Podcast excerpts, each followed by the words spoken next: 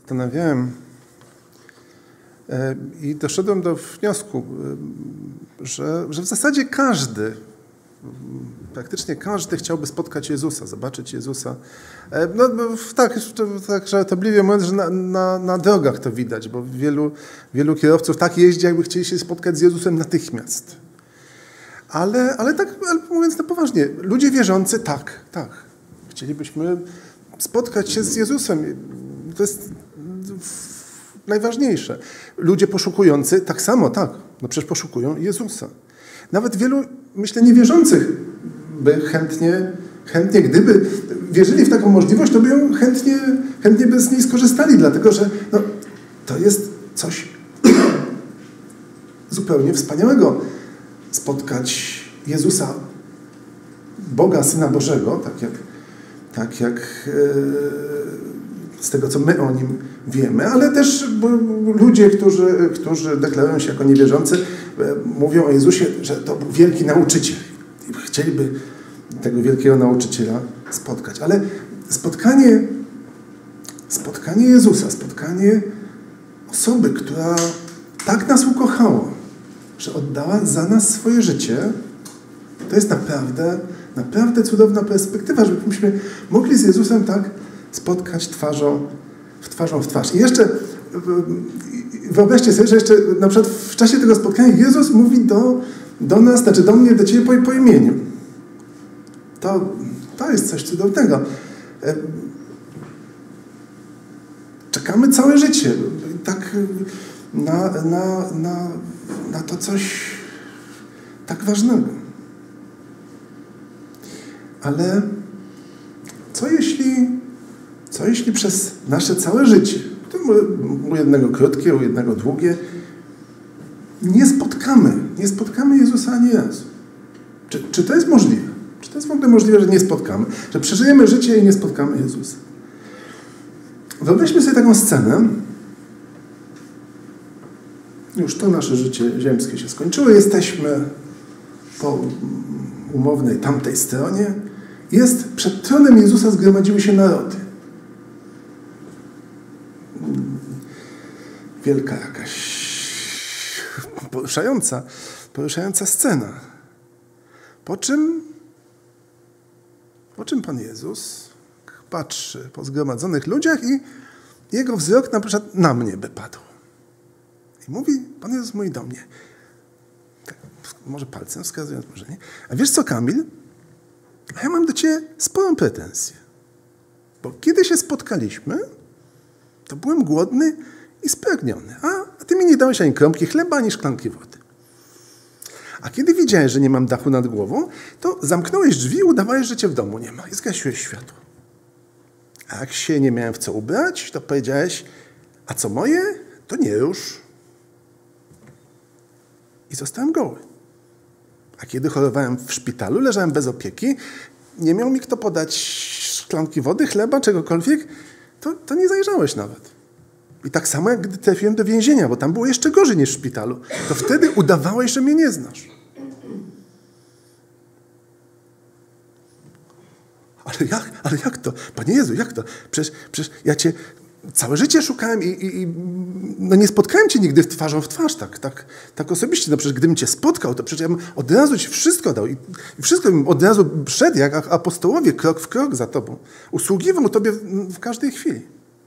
No ale, no Kamil, ale jak ty możesz mówić, że mnie nie spotkałeś? Spotykałeś mnie codziennie. No ja? Codziennie? No niemożliwe. No, e, oczywiście e, domyślacie się, do jakiego, do jakiego fragmentu Biblii chcę się odwołać. Z Ewangelia Mateusza, 25 rozdział. Przeczytajmy sobie ten, ten fragment. E, 31 e, werset do, e, do 46. Gdy Syn Człowieczy przyjdzie w swojej chwale i wszyscy święci aniołowie z Nim, wtedy zasiądzie na tronie swojej chwały. I będą zgromadzone przez, przed Nim wszystkie narody, a On odłączy jedne od drugich, jak pasterz odłącza owce od kozłów. I postawi owce po swojej prawej, a kozły po lewej stronie. Wtedy król powie do tych, którzy będą po jego prawej stronie. Przyjdźcie, błogosławieni mego Ojca, odziedziczcie królestwo przygotowane dla was od założenia świata. Byłem bowiem głodny, a daliście mi jeść. Byłem spragniony, a daliście mi pić. Byłem obcym, a przyjęliście mnie. Byłem nagi, a ubraliście mnie. Byłem chory, a odwiedziliście mnie. Byłem w więzieniu, a przyszliście do mnie. Wtedy sprawiedliwi mu odpowiedzą, Panie, kiedy widzieliśmy Cię głodnym i nakarmiliśmy Cię, albo spragnionym i daliśmy Ci pić? I kiedy widzieliśmy Cię obcym i przyjęliśmy Cię, albo nagim i ubraliśmy Cię?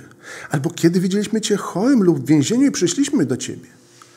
A król im odpowie, zaprawdę powiadam wam, to co uczyniliście jednemu z tych moich braci najmniejszych, mnie uczyniliście. Potem powie i do tych, którzy będą po lewej stronie: Idźcie ode mnie, przeklęci, w ogień wieczny, przygotowany dla diabła i jego aniołów. Byłem bowiem głodny, a nie daliście mi jeść. Byłem spragniony, a nie daliście mi pić. Byłem obcym, a nie przyjęliście mnie. Byłem nagi, a nie ubraliście mnie. Byłem chory w więzieniu, a nie odwiedziliście mnie. Wtedy i oni mu odpowiedzą: Panie, kiedy widzieliśmy Cię głodnym, albo spragnionym, albo obcym, albo nagim, albo chorym, albo w więzieniu, a nie usłużyliśmy Tobie? Wówczas im odpowie, zaprawdę powiadam Wam, czego nie uczyniliście jednemu z tych najmniejszych, nie uczyniliście i mnie. I pójdą ci na męki wieczne, sprawiedliwi zaś do życia wiecznego. To jest poważna sprawa. Co to znaczy, że jesteśmy zbawieni, że jesteśmy wierzący, że jesteśmy usprawiedliwieni? Bo to technicznie to, to wyglądało tak, że na jakimś etapie naszego życia, jak to się mówi, poszliśmy za Chrystusem, nawróciliśmy się. E, może to było tak, że odmówiliśmy modlitwę grzesznika. Bo efektem tego w większości przypadków był chrzest dokonany, dokonany w świadomym wieku przez, przez zanurzenie. Ale co to znaczy, że jesteśmy wierzący? Jak, jak wygląda życie wierzącego człowieka? Jak wygląda moje życie? Pamiętacie tego zacnego człowieka? Bardzo, bardzo, taki, bardzo taki przyzwoity człowiek. On się bardzo pilnował. Bardzo się pilnował, żeby być dobrym człowiekiem, żeby nie być jak ci źli ludzie, żeby nie być jak ci zdziecy, niesprawiedliwi, cudzołożnicy. Tego, który pościł dwa razy w tygodniu. Oddawał dziesięciny ze wszystkiego, co miał no chyba ten, ten porządny człowiek miał prawo czuć dumę i zadowolenie z siebie, no, zwłaszcza jak się porównał z tym drugim, który też, też przyszedł obok, się modlił. No, ten drugi, ta jego uczciwość to stała na, na pewno pod, ta, ta, pod, takim dużym znakiem zapytania i jeszcze i już e, na 100% nie można było powiedzieć, że jest szanowanym obywatelem. Przeciwnie, no, od tamtego drugiego wszyscy porządni ludzie się odwracali. To dobrze jest być porządnym, a, a a odwrócić się od tego nieporządnego. Oczywiście też, jak rozumiem, domyślacie się o jaki fragment e, Biblii chodzi. E, Ewangelia Łukasza, 18 rozdział od 10 do, do 14 wersetu. Dwóch ludzi weszło do świątyni, żeby się modlić. Jeden faryzeusz, drugi celnik. Faryzeusz stanął i tak się w sobie modlił. Dziękuję Ci, Boże, że nie jestem jak inni ludzie, zdzielcy, niesprawiedliwi, cudzołożnicy, albo jak i ten celnik. Poszczę dwa razy w tygodniu, daję dziesięcinę ze wszystkiego, co mam. A celnik, stojąc z daleka, nie chciał nawet oczu podnieść ku niebu, ale bił się w piersi, mówiąc: Boże, bądź miłosiernym niegrzesznemu. I jakoś tak się dziwnie stało, że Pan Jezus zupełnie inaczej spojrzał na tą dwójkę. Poczytamy, czytamy tak. Mówię wam, że raczej ten odszedł do swego domu usprawiedliwiony, a nie tamten. Każdy bowiem, kto się wywyższa, będzie poniżony, a kto się poniża, będzie wywyższony. Czyli Jezus ma jakieś inne okulary, jakieś lepsze okulary niż my, bo inaczej widzi ludzi. I mm, Słowo faryzeusz ma, ma w dzisiejszym języku złe, złe znaczenie, złe konotacje, ale, ale błędy, które popełnił faryzeusz, to są dokładnie takie błędy, które my potrafimy popełnić dzisiaj. Są trzy podstawowe błędy. Pierwszy błąd, ja na pierwszym miejscu. Koncentracja na sobie. Ja, ja moje sprawy, moja pozycja, to, to wszystko jest moje osiągnięcia to jest ważne. Drugi błąd to wiara w uczynki. Faryzeusz przesadnie ufał w to, co robi. Że to, co, to, co robi, to jest super ważne, najlepsze, to, to mu przyniesie różne, różne, różne profity lub to, czego unika oczywiście. Natomiast e, nie bardzo e, motywy, które, które, e, które stały za owymi uczynkami, były dosyć wątpliwe. I trzecia rzecz, którą, e, trzeci błąd faryzeusza i, i trzeci błąd, który my strasznie często popełniamy, to jest porównywanie się. Mianowicie swoją wartość ustalamy na podstawie porównania z innymi ludźmi. I zatrzymajmy się na, na tym ostatnim. Bo porównujemy się stale, e, mimo że to w zasadzie wiemy, że, że nie powinniśmy się porównywać, bo to zawsze w każdej dziedzinie będą lepsi i gorsi. W związku z tym, jak, jak się porównujemy z lepszymi, to będziemy sfrustrowani. Jak, jak z gorszymi, to, to tak będziemy e, popadać w pychę.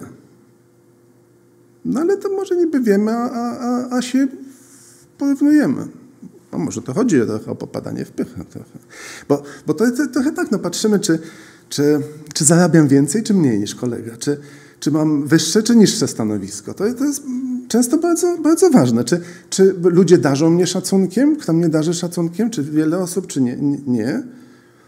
Czy, czy po co się kupuje samochód? Jakby e, nikt by nie sprzedawał nowych samochodów, gdyby nie to, że no bo stałe by wystarczyły. Tam, no najwyżej jak się już taki się sypie, to, to, e, no to wtedy by był kupiony nowy. Ale kupuje się nowe samochody, że jest nowy model, on ma lepsze funkcje, więc mam lepszy, lepszy samochód od, od, od, od kogoś innego. I teraz jest, to dodaje mi, dodaje mi powagi.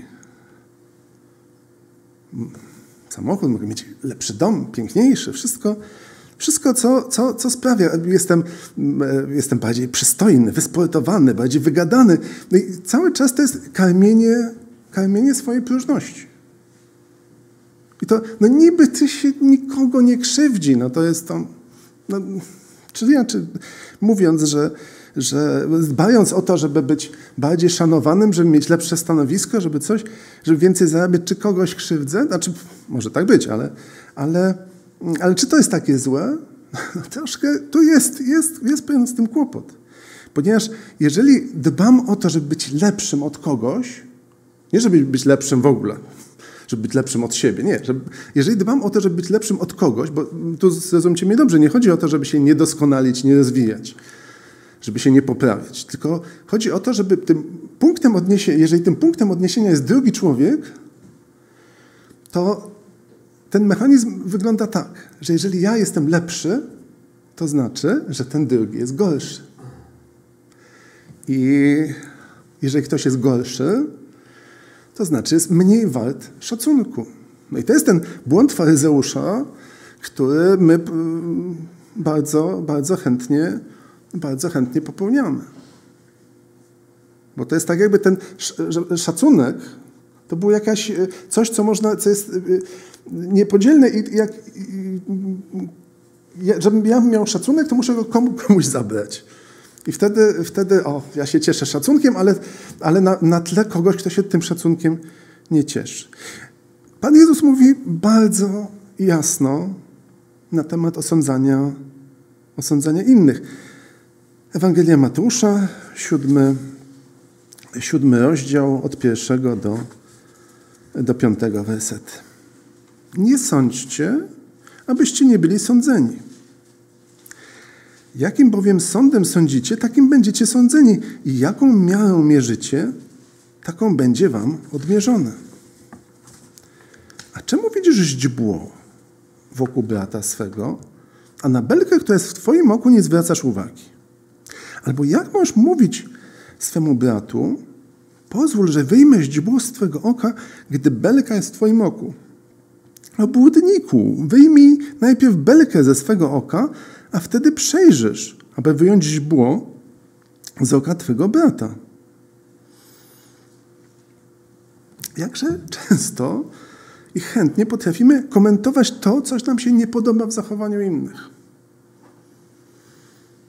Bo ci inni to, to, to są dopiero. I to e, ci inni to bardzo szeroka kategoria, bo to są ci inni w, w rodzinie, że tam, tam kuzyn, ciotka, wujek, to, a, to oni, no tacy są tego. Albo, e, albo rodzice, albo dzieci, też no, różne było. Albo współmałżonek, no, jak potrafimy znaleźć różne, różne rzeczy. E, wśród przyjaciół, znajomych, wśród współpracowników potrafimy znaleźć, mało tego, potrafimy znaleźć różne złe rzeczy wśród ludzi, których na oczy nie widzieliśmy. Jakaś gdzieś przeczytamy o kimś i o tak, ten to jest straszny człowiek.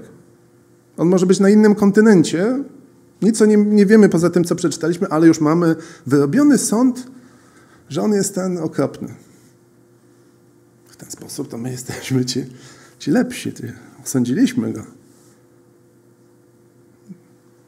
Oczywiście, mm, no przecież my nie robimy tego, żeby plotkować, to inni plotkują, my rozważamy. My nie robimy tego dla rozrywki, my to robimy często z troski, żeby się zadumać, jak ten świat jest zły. Ale w domyśle on jest, świat jest zły, no bo, a my jesteśmy ci lepsi. Bo, bo co to znaczy? Pozwól, że wyjmę źdźbło z Twego oka, gdy belka jest w Twoim, czyli w, w moim oku.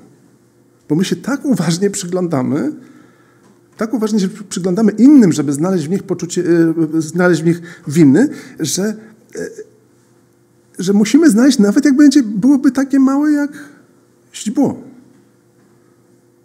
Ale patrzymy na innych, nie patrzymy, nie patrzymy na siebie. No jakby na to spojrzeć tak z zewnątrz. No słuchajcie, to jest szczyt bezczelności. Jeżeli belka tkwi w moim oku, a ja będę się tak z troską pochylał, pochylał nad, nad kimś, mówił, no tak, tak, ty masz źdźbło, no to nie, coś niedobrze robisz. No szczyt bezczelności, ale e, zdarza mi się. Czasem tego nie powiem, ale, ale pomyślę, co sobie tam o kimś pomyślę, że ojejku, to, to, i to jest, to jest e, tak okropne. No to jest wprost złamaniem nakazu, który nam mówi Jezus. Pytanie jest dlaczego? Dlaczego, dlaczego potrafimy to robić? Jaki jest cel takiego zachowania, Mimo, że przecież doskonale te fragmenty, które, które czytam, te fragmenty Bożego Słowa są doskonale znane. I, i jaki jest cel takiego zachowania, które Jezus piętnuje i, i dlaczego tak chętnie osądzamy innych? Mimo, że Jezus przestrzega, żebyśmy tego nie robili.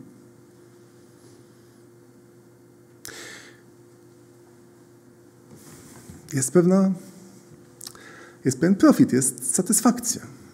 Mianowicie, e, niestety, jakaś niefajna część naszej natury czerpie satysfakcję z oskarżania innych. Ale znów to jest, znów wracamy do porównywania się. Bo skoro ty masz takie i takie przewiny, no to ja jestem lepszy. Jestem ten lepszy. Bo być może, no ja coś tam może zrobiłem złego, ale to się naprawiłem, to naprawiłem się. Ale ty masz nadal kłopot i ja ci na to zwrócę uwagę. No i im szerzej się będę rozglądał, tym więcej nieciekawych ludzi będę spotykał. I, I, żeby im zwrócić uwagę, albo przynajmniej w głowie sobie zwrócić uwagę, że no te moje przewiny to nie są takie złe, bo inni są naprawdę, to są, to są okropni ludzie. I w ten sposób budujemy, budujemy swoje dobre samopoczucie nie na, nie na tym, że walczymy ze, ze złem, które, które, które jest w nas, ze złem, które czynimy, że staramy się naprawić, staramy się je wyrugować, staramy się poddać Bożemu Słowu, poddać kontroli Bożego Słowa, tylko znieczulamy się. Że inni, inni to mają, to mają problemy. I my to widzimy, bo my jesteśmy, ja jestem ten, ten który dostrzega, dostrzega grzechu innych. Oczywiście ta belka w moim oku gdzieś tam tkwi, ale, ale ja mam wyczulony wzrok, żeby patrzeć na, na innych. Dlaczego nie powinniśmy tego robić? Dlaczego to jest tak ważne, żeby tego nie robić? Dlaczego Pan Jezus tego zakazuje? Wynotowałem cztery, cztery zasadnicze powody, dla, dla których nie powinniśmy sądzić innych ludzi. Po pierwsze, pierwszy powód jest bardzo prosty. Nie znamy wszystkich faktów. Nie wiemy, nie wiemy wszystkiego o danej osobie. Nie wiemy, jeżeli dana osoba, ktoś coś zrobił, co my oceniamy źle, nie wiemy, co przeszła, w jakim tkwi środowisku, jaki bagaż ze sobą niesie. Bo być może na miejscu tej osoby, którą chcę osądzić, ja zachowałbym się gorzej. Pamiętacie Piotra, który jak obiecywał, jak to będzie wierny i, i jak się nigdy nie, nie ugnie. I przyszedł nacisk i nagle nagle to się wszystko posypało. Jest takie powiedzenie, tyle wiemy o nas, ile nas sprawdzono. Bardzo często e, mówimy, że ja bym się na jego miejscu w życiu tak nie zachował. Ale w domyśle zachowałbym się lepiej. No, ale mogłoby być tak, żebym się zachował gorzej. Ostrożnie, ostrożnie z, e, ostrożnie z zarządzaniem, ponieważ nie wiemy wszystkiego o danej osobie i o naciskach, którym e, podlega. Druga rzecz, że nie jesteśmy bezstronni. To, um, to jest, znaczy, nie wiem, bo może, może to nie jest, bo ja chciałem powiedzieć, że w Polsce szczególnie to widać, ale myślę, że na, na całym świecie e, to jest tak, że jak człowiek otworzy jakieś wiadomości w telewizji czy w jakimś internecie, to w zależności jaką stację otworzy, to takie wiadomości usłyszy. Czy w jaką gazetę zobaczy, to takie wiadomości. Ten, I to jest w sumie naturalne. No, mamy swoje sympatie i antypatie. E, no, jak już jesteśmy przy, przy polityce, e, jak e, ileś lat temu rządziła partia, która miała, ma dwuliterowy skrót, to zwolennicy partii, która była w opozycji, która ma skrót trzyliterowy, mówili, że rządzą nieudacznicy i złodzieje. No i potem ta partia o skrócie trzyliterowym wygrała wybory i e, z kolei zwolennicy partii o skrócie dwuliterowym, którzy, którzy teraz są w opozycji, mówią, no tak, teraz, teraz w rządzie są sami uczciwi. No nie, chciałem sprawdzić, czy słuchacie. Nie, nie, oczywiście nie mówią, że są sami uczciwi, tylko mówią, że są nieudacznicy i złodzieje.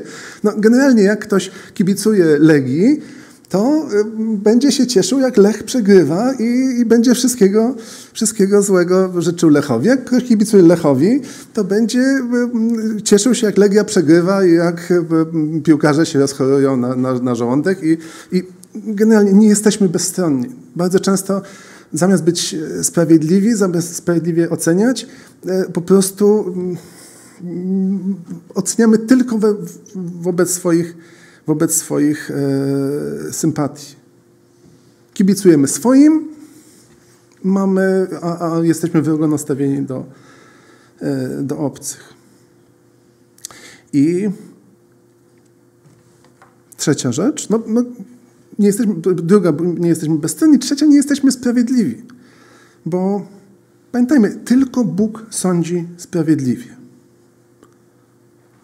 A my sobie przypisujemy często tę taką, taką wszechwiedzę i, i, i, przekonanie, przekonanie o umiejętnościach i nie wiadomo czemu. Znowu takie, jak już to było Legii Lechu, to, to już trzymajmy się tego sportu. E, zwróćcie uwagę, oglądamy, nie wiem, transmisje sportowe. No, nie trafił do bramki z pięciu metrów, no co za patałach. Albo skoczył 10 metrów za krótko, no przecież jak to... No tu nalety mu się skrzyżowały, no w ogóle katastrofa. No po prostu jak on mógł? No, ciekaw jestem, gdybym ja stanął wtedy na, na stadionie, leci do mnie piłka, albo stoję na, na, mam przypięte narty i stoję na szczycie skoczni. No ciekawe, czy bym trafił, czy w piłkę, czy bym trafił, po pierwsze. Drugie, czy bym w ogóle, czy by mnie tam zepchnęli z tej skoczni i ile metrów bym, bym, bym zajechał. A, a jednak nie od, przed telewizorem to sobie nie odmawiam takich, że o, co za, co za patała. No, generalnie mówiąc, nie jesteśmy sprawiedliwi. Ale to e, jest jeszcze czwarty, czwarty powód, bo to się możemy właśnie teraz uśmiechać. Natomiast teraz jest czwarty powód, który jest bardzo, e, bardzo smutny, ponieważ wchodzimy, sądząc, osądzając innych, wchodzimy, mm, wchodzimy w cudze buty. I to są buty, w których nie powinniśmy się w żadnym momencie znaleźć. Bo Pan Jezus mówi nam, żeby nie oskarżać innych. Ale jest ktoś, kto tego nie słucha. Jest ktoś, kto to robi, kto oskarża nieustannie dniem i nocą. E, Księga Objawienia, 12 rozdział, 10 e, werset. I usłyszałem donośny głos mówiący w niebie: Teraz nastało zbawienie, moc i królestwo naszego Boga i władza Jego Chrystusa, bo został zrzucony oskarżyciel naszych braci, który dniem i nocą oskarżał ich przed naszym Bogiem. Istnieje oskarżyciel, oskarżający dniem i nocą. E, w którejś z książek, niestety nie pamiętam, e, gdzie to było, więc nie, cytat, jest, cytat jest e, niedokładny. W którejś z książek Williama Barclaya znalazłem piękny fragment. Pewien wykładowca w, w, w szkole biblijnej zwrócił studentom uwagę. Pamiętajcie, mniej więcej takimi słowami, pamiętajcie, diabeł dzień i noc oskarża naszych braci. Nie wyręczajcie go w tej robocie. Nie wchodźmy w buty oskarżyciela. I teraz, dopiero teraz, gdy przestaniemy innych uważać za gorszych, gdy przestaniemy wywyższać się poprzez porównywanie z innymi, wywyższać się poprzez poniżanie innych, gdy przestaniemy być dla innych niesprawiedliwi, Dopiero gdy przestaniemy budować swoją chwałę, a zaczniemy uważniej słuchać Słowa Bożego, żeby nasze czyny, nasze postępowanie, nasze myśli były na Bożą chwałę. Nie na moją, nie na, nie na własną chwałę. Gdy zaczniemy próbować rozumieć innych, to dopiero wtedy możemy ujrzeć zupełnie inne oblicze drugiego człowieka. I właśnie w tym, w tym człowieku, który nam wcześniej się mógł wydać nieciekawy, niesympatyczny, odpychający, wtedy możemy zobaczyć oblicze Jezusa. Bo to, co jest cudowne, że dla Jezusa nie ma ludzi niewartych uwagi. Nie ma ludzi niewartych miłości. Bo gdyby tak było, to biada nam by była, gdyby e, Jezus tak segregował. Bo, bo czym byśmy sobie za, za, zasłużyli na uwagę Boga? To co byśmy mu dali w zamian za Jego miłość? No nie mamy nic takiego, co możemy mm, ofiarować. To Jezus nam dał swoją miłość bezwarunkowo. Dał swoją miłość każdemu z nas, każdemu z nas grzeszników, to podkreślmy to. Nie z każdemu z nas sprawiedliwych, tylko z każdemu z nas z grzeszników ofiarował swoją miłość. I, I to miłość, której wyrazem była ofiara na krzyżu. Za każdego z nas Jezus oddał swoje, swoje życie. I dlatego jest takie ważne, żebyśmy oblicze Jezusa zobaczyli, potrafili zobaczyć w każdym człowieku, którego spotykamy na swojej drodze. Amen.